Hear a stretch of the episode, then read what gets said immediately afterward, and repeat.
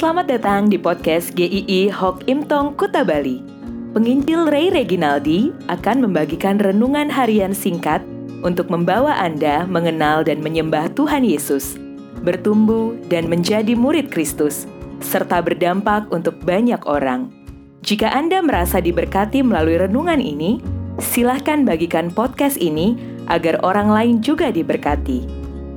Inilah renungan hari ini.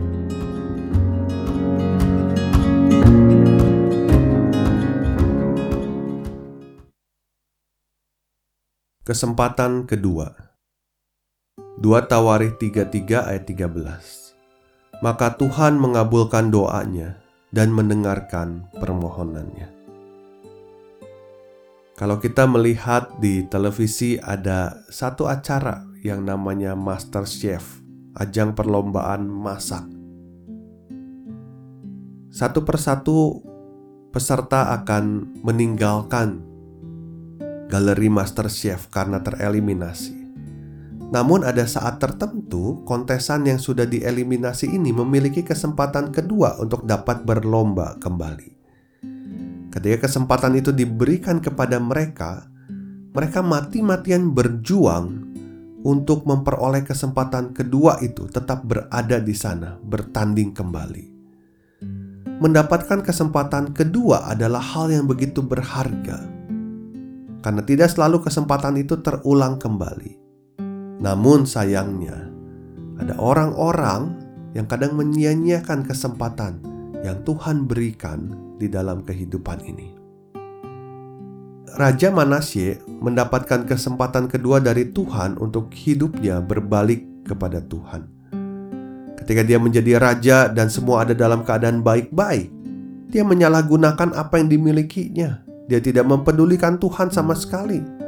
Firman Tuhan bahkan mengatakan dia melakukan apa yang jahat di mata Tuhan, menimbulkan sakit hati pada Tuhan, sampai-sampai dia melakukan kejahatan yang lebih besar dari bangsa-bangsa yang tidak mengenal Tuhan.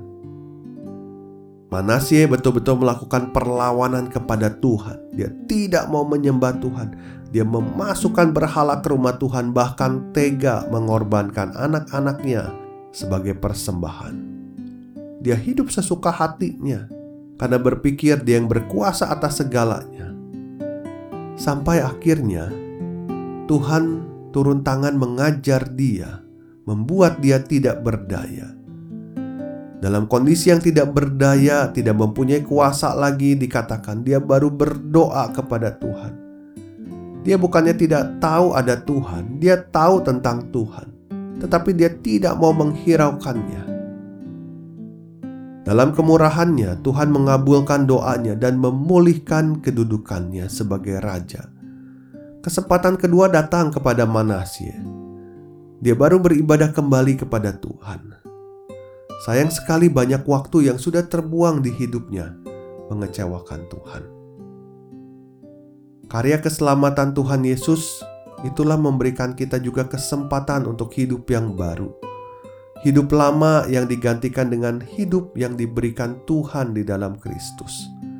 Betapa bersyukur ya kita kalau kita memiliki hidup di dalam Tuhan Yesus. Hidup yang diberikan dalam anugerahnya.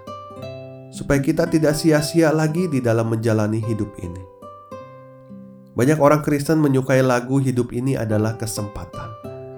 Tetapi pertanyaannya, apakah kita sungguh-sungguh menggunakan kesempatan yang Tuhan berikan? Apakah sudah sungguh-sungguh memakai hidup ini untuk memuliakan Tuhan?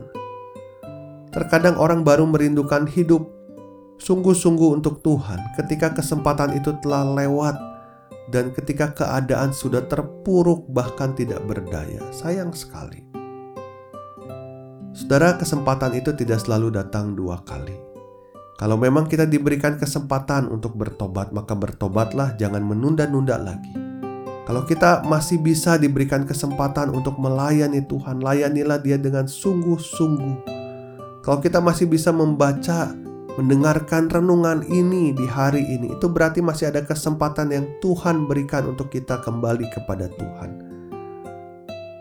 Biarlah kita boleh dengan bening untuk boleh memandang diri kita di hadapan Tuhan.